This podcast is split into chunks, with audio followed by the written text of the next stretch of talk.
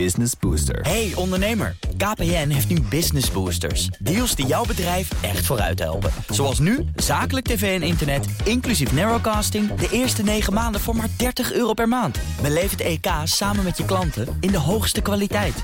Kijk op kpn.com slash businessbooster. Business Booster. Blijf scherp. BNR Nieuwsradio. Cryptocast.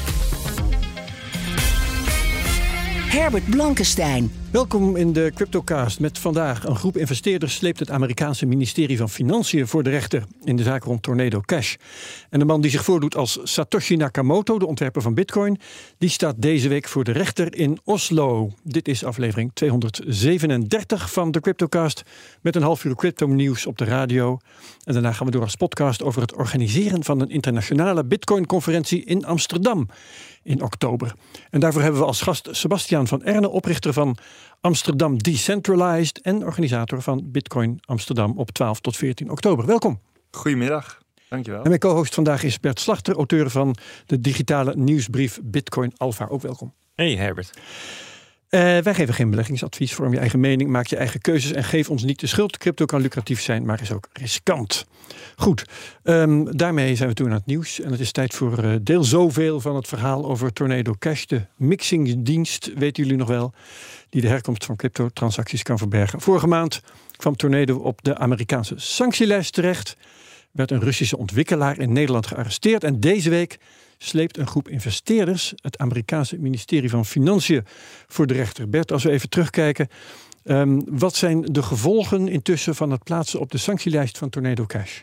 Ja, dat is al een maand geleden inmiddels, ietsjes meer ja. zelfs. 8 augustus plaatste um, het Amerikaanse ministerie van Financiën de website tornado.cash en een hele lijst aan Ethereum-adressen op de sanctielijst.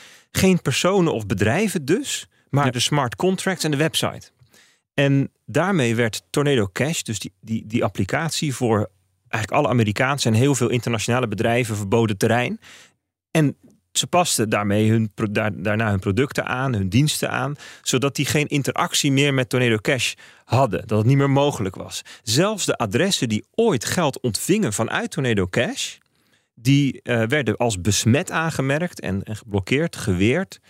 Um, Terwijl die daar mogelijk geen enkel initiatief toe hebben genomen. Dat zelfs dat, hè? want ja. er waren dus ook allerlei bekende figuren die. die... Ja, bijvoorbeeld um, het Fonds voor de Strijd in Oekraïne. Klopt. Ja. Dus, hè, dus, en en uh, Justin Sun is ook zo'n bekende uh, crypto-man. Hè, de, de, de oprichter van Tron, miljardair geloof ik ook. En die met heel veel volgers. En die zei ook van ja, ik, um, ik kan ineens Uniswap niet meer gebruiken. Hè, een, een, een decentralized finance dienst.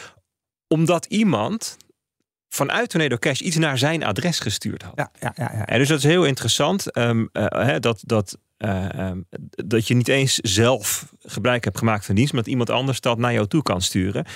Ook het GitHub-account van Tornado Cash, waar de broncode beheerd wordt, uh, werd afgesloten. En de gebruikersaccounts van mensen die ooit hebben bijgedragen aan het project. Dus het is een, als een soort olievlek ja. ging het effect uh, de cryptowereld door. Ja, precies. Dat is hier ook uh, verteld hè, dat allerlei bedrijven uh, vervolgens overdreven voorzichtig zijn geweest. In casu, dus hier bijvoorbeeld Microsoft, eigenaar van GitHub. Ja. Dacht, laat ik maar voor de zekerheid zorgen dat we meer maatregelen nemen dan strikt noodzakelijk. Dan kan niemand ons verwijten dat we te weinig hebben genomen. Klopt, ja, want de straffen zijn heel erg hoog. En het is een beetje onduidelijk als je he, geen personen of bedrijven erop zet, wat origineel wel hoort, maar websites en Ethereum-adressen, ja, wat moet je daar dan ja, ja, ja. Wat is nou precies de reden dat zo'n groep investeerders het ministerie van Financiën voor de rechter sleept?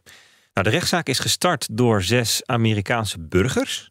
Die, er zitten allerlei mensen tussen, een beveiligingsexpert van een techbedrijf die graag een staking node wilde draaien, en een risicoanalist van Coinbase, een infrastructuurbeheerder van Ethereum. Okay, dus het gezelschap is ietsje gemêleerder ja, dan, uh, zit dan geen, wat ik net Daar zitten op zich geen investeerders bij. Mhm. Deze zes aanklagers die stellen dat uh, ze Tornado Cash hebben gebruikt voor legitieme redenen. Dat leggen ze ook uit waarom dat dan is. En dat ze nu financiële schade leiden door de sancties. En daardoor zeggen ze van joh, Um, uh, uh, wij, wij, uh, wij vinden dat het onrechtmatig is, dat het ongrondwettelijk is wat jullie hebben gedaan. Want je, je, je, je mag helemaal niet iets anders dan personen of bedrijven erop zetten.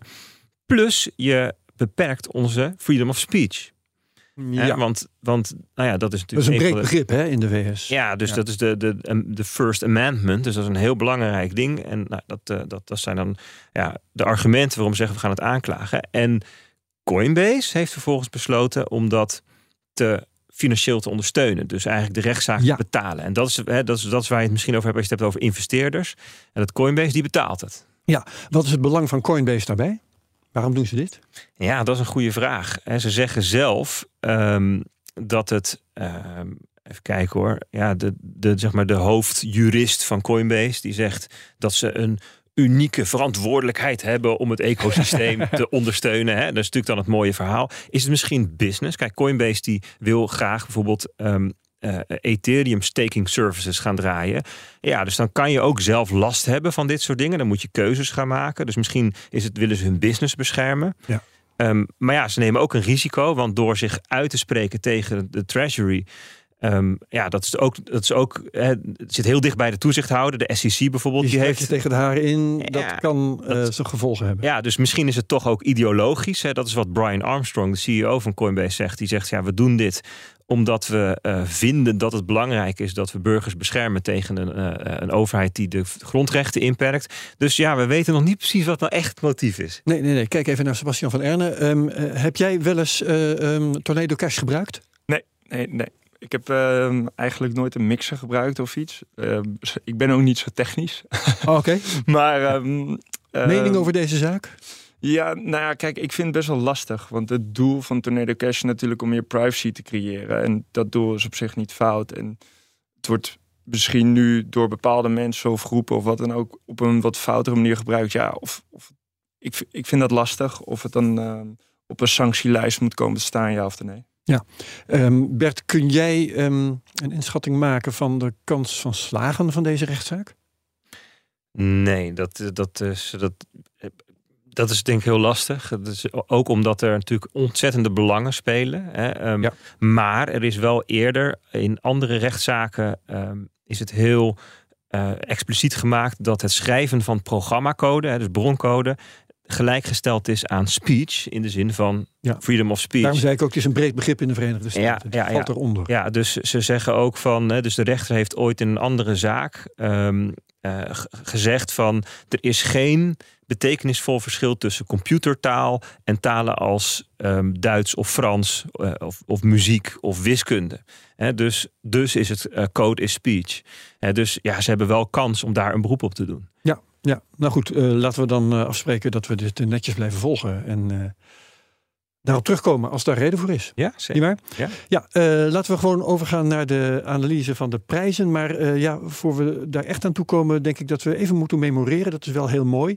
Dat gisteren, dat was dus maandag eh, 12 september, was de 5000ste dag dat Bitcoin functioneerde. Toch wel een mooi jubileum. Ja, ja, ik, ik, ik, ik Heb jij dat nog gevierd met een eh, Is- goed glas wijn of Dus ik typte in in Google 5000 days ago. Hè, dat kan je in Google gewoon intypen. En dan krijg je 3 januari 2009. Hè, dus dat is, dat is waar ze dan van Ik afrekenen. heb nog Dat is dan- gecheckt ook. ja, dat is ja. eh, don't trust but verify. hè. Zo is het, ja. En ehm, en ja, dat is, dat is de, de, de datum die in het eerste blok van Bitcoin geprogrammeerd zit. En in, met de broncode is vrijgegeven. En ja, toen is het allemaal begonnen.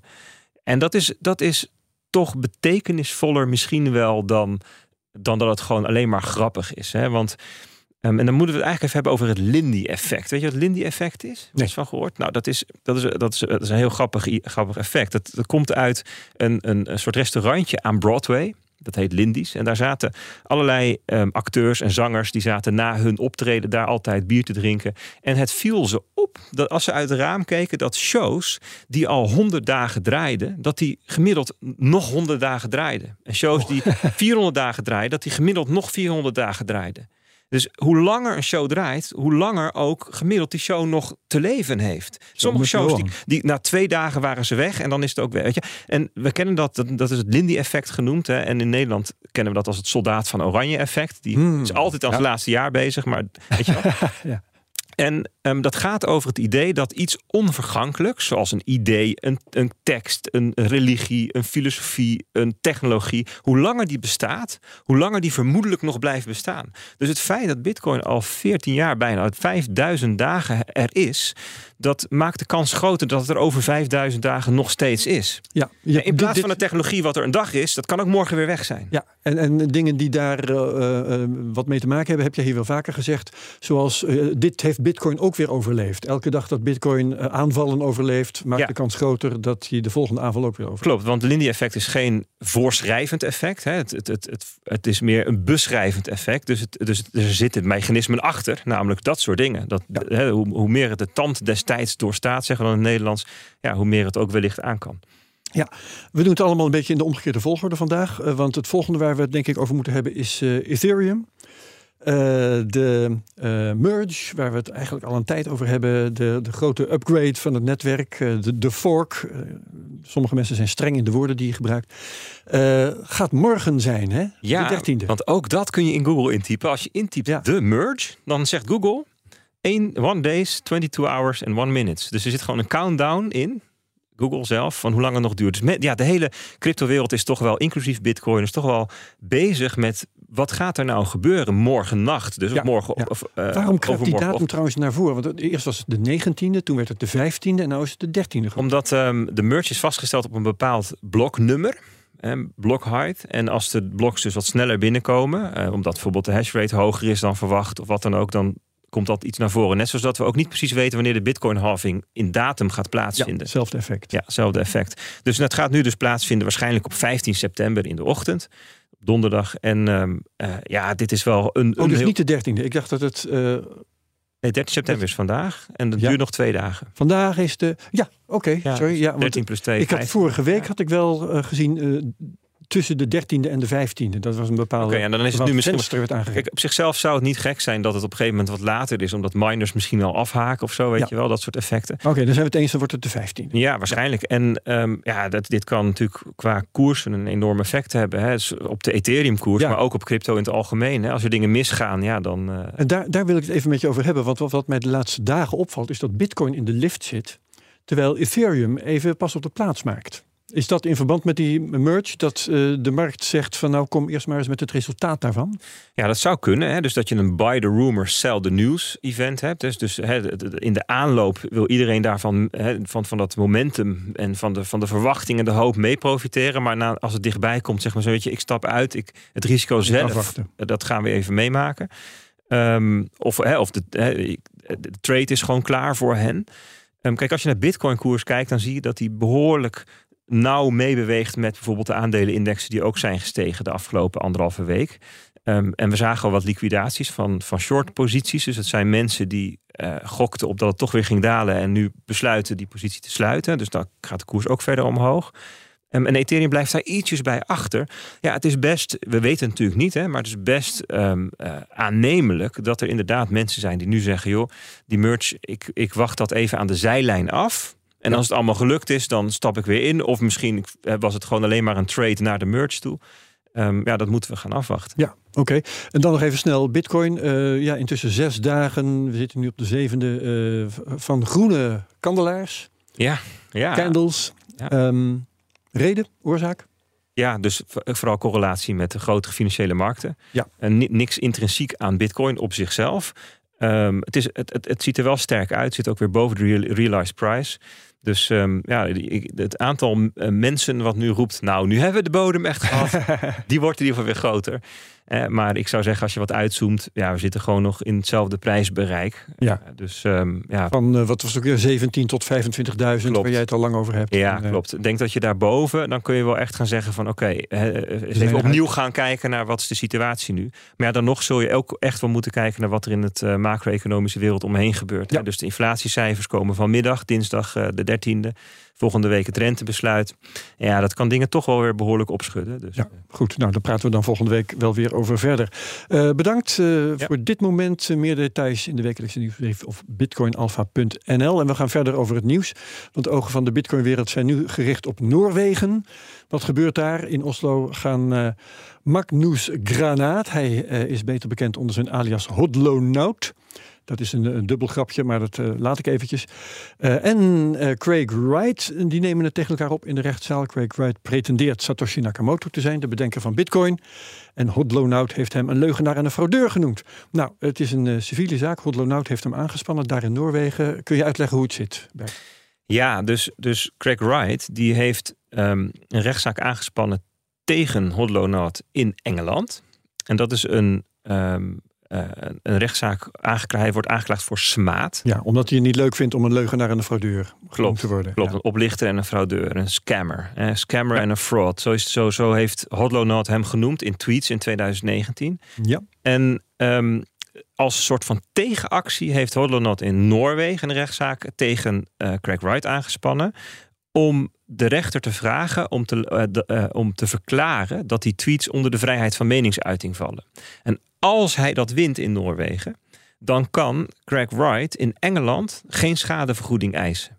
Dat heeft te maken met verdragen tussen landen. Het is een defensieve actie van Hodlonaut. Ja, een defensieve actie. En dat moet, dat moet, moet hij eigenlijk doen omdat in Engeland daar, ja, dat is, daar is de rechtspraak zo georganiseerd dat um, je moet als aangeklaagde in een smaadzaak, ben, moet jij bewijzen dat het geen smaad is. Dus, ja, heel dus moet je bewijzen dat hij een uh, scammer en een fraud is. Ja, en dat is natuurlijk, uh, en dat is niet alleen lastig, maar dat is ook in Engeland altijd ongelooflijk duur. Engeland wordt ook wel als dus een soort van um, libel uh, tourism. Er zijn mensen die gaan daarheen alleen maar voor smaadzaken.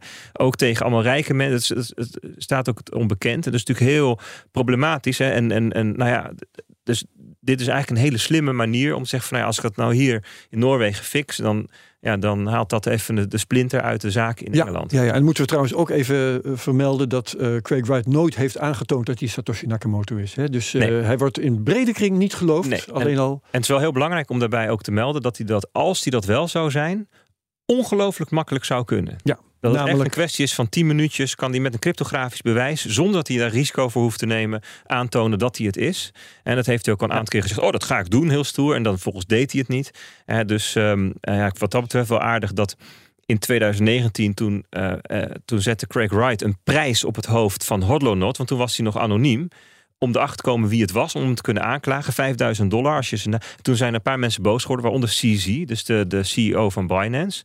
En die zei van, joh, of je gaat nu vertellen, bewijs dat je het bent, of je houdt je bek. En toen heeft Binance twee dagen later ook zijn munt, hè, dus uh, Bitcoin SV, van, van de exchange afgehaald. Ja, ja, dat is wel interessant om uh, ook nog te vermelden. Um, Craig Wright, uh, voor zover hij zelf niet rijk is, heeft een hele rijke uh, backer, een, iemand die hem steunt. Ja. En dit soort dingen voor hem betaalt.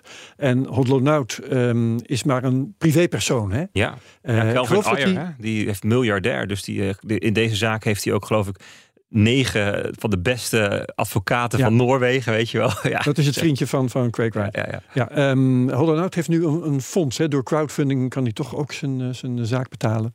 Klopt. Um, en uh, dat, uh, Craig Wright doet dat vaker. Want hij heeft ook Pieter McCormack, de podcaster, heeft hij aangepakt. Zelfde um, soort zaak, ook, ook smaad. Zaak, ja. Precies. En toen heeft de rechter dus, omdat Pieter McCormack niet het geld had om daar een eindeloze uh, verdediging te voeren, die heeft dat gewoon afgewacht. En omdat Craig Wright er zo'n ongelooflijk potje van maakte en er zoveel bewijs bleek te zijn um, ge, uh, ge, gefraudeerd en, en gefalsificeerd, heeft de rechter gezegd van ja, Pieter McCormack verdedigt niet. Dus ja, we moeten het wel toewijzen, maar we geven schadevergoeding van één pond. Ja, ja, ja precies. Zo hebben ze dat dan afgedaan. Ja. ja, nou even naar Sebastian van Erne. Jij organiseert een grote Bitcoin-conferentie. Um, komt dit ook aan de orde op jouw conferentie? Um, ik denk het niet. Maar ik heb natuurlijk wel even aan BTC Inc. gevraagd van, van Bitcoin Magazine, waar we mee uh, samenwerken. Um, van, ja, weten jullie wie Satoshi Nakamoto is? Dat, ja, ja. Je, je kan natuurlijk niet anders. Ja, heel nieuwsgierig. Ja. En het antwoord was uh, in ieder geval niet Greg Wright. Dus dat heb ik teruggekregen. um, ja, leuk. Joh, uh, we gaan zien. En uh, ik verwacht niet dat het wordt behandeld op de, op de conferentie. Oké. Okay. Um, mooi moment om daarover door te praten. We hebben nog even. We gaan straks een podcast opnemen waarin jij uitlegt hoe je zo'n conferentie uh, organiseert en wie er allemaal komen en zo, dat soort zaken. Um, wat mogen we op uh, jouw conferentie Bitcoin 2022 ja. in uh, Amsterdam um, absoluut niet missen? Ehm, ik, ik denk het geheel zelf. Uh, wat wij willen gaan doen is we willen uh, toch gewoon een beetje proberen af te stappen echt van, van een zakelijke conferentie, hoe, hoe het daar was. En een wat meer festival uh, van maken. Dit proberen we echt spelen, spelende wijze te doen. natuurlijk met bijvoorbeeld een workshop area. Dat is ook echt iets waarvan ik zou zeggen van ga er langs. Waarin je gewoon heel simpel kan leren van het begin. Wat is bitcoin? Hoe koop je bitcoin? Tot aan uh, Lightning netwerk. Hoe maak je een Lightning wallet aan? En het meest expert waar we naar willen kijken is bijvoorbeeld uh, hoe maak ik een Bitcoin miner schoon? En dat we eigenlijk al die facetten die, um, ja, die gaan behandelen. En ja. dat je daar op, op een leuke manier uh, mee in aanraking komt. Mooi.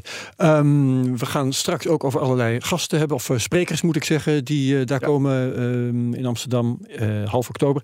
Maar er is er één die jij nu alvast wilt aankondigen. Zeker. Um, zij is nog niet aangekondigd. we kennen natuurlijk allemaal Julian Assange. haar vrouw Stella Assange komt spreken. Zijn vrouw. Zijn vrouw, sorry, excuus. Zijn vrouw Stella Assange komt spreken. Um, ze is opgegroeid in Zuid-Afrika, verhuisde naar, naar Zweden, Spanje en de UK voor haar opleiding um, politieke rechten. En Julian Assange die uh, zit gewoon achter, achter tralies, hè? Daarom ja, nou ja, ze hebben elkaar ontmoet in 2011. En um, nou, twee kinderen gekregen, geboren in 2014 en 2019. En inderdaad, Julian Assange zit, uh, zit in de zwaar beveiligde gevangenis van Belmarsh. Maar afgelopen maart dit jaar zijn ze toch uh, daar getrouwd. En uh, ja, zij gaat onder andere een keynote geven. En, uh, en waarover dan precies? En wat doet dat op een Bitcoin-conferentie? Ja, de relatie met Bitcoin, een stukje vrijheid. En wat bijvoorbeeld de impact ook heeft voor, voor personen zoals Julian Assange. Oké, okay. nou, um, CryptoCast zal daar ook uh, zijn. We gaan er ook uh, verslag van doen. Dus hoe, dat merken jullie nog wel trouwens. Dat uh, gaan we allemaal nog um, beslissen. En hier besluiten we de CryptoCast op BNR. dank aan Sebastiaan van Erne. Bitcoin 2022, 12 tot 14 oktober. Hè? Ja. wie meegaat naar de podcast, dank ook trouwens aan co-host Bert Slachter voor vandaag. Um, wie meegaat tot zo direct, wie het hierbij laat, ook goed bedankt. Graag tot volgende week bij de CryptoCast op BNR.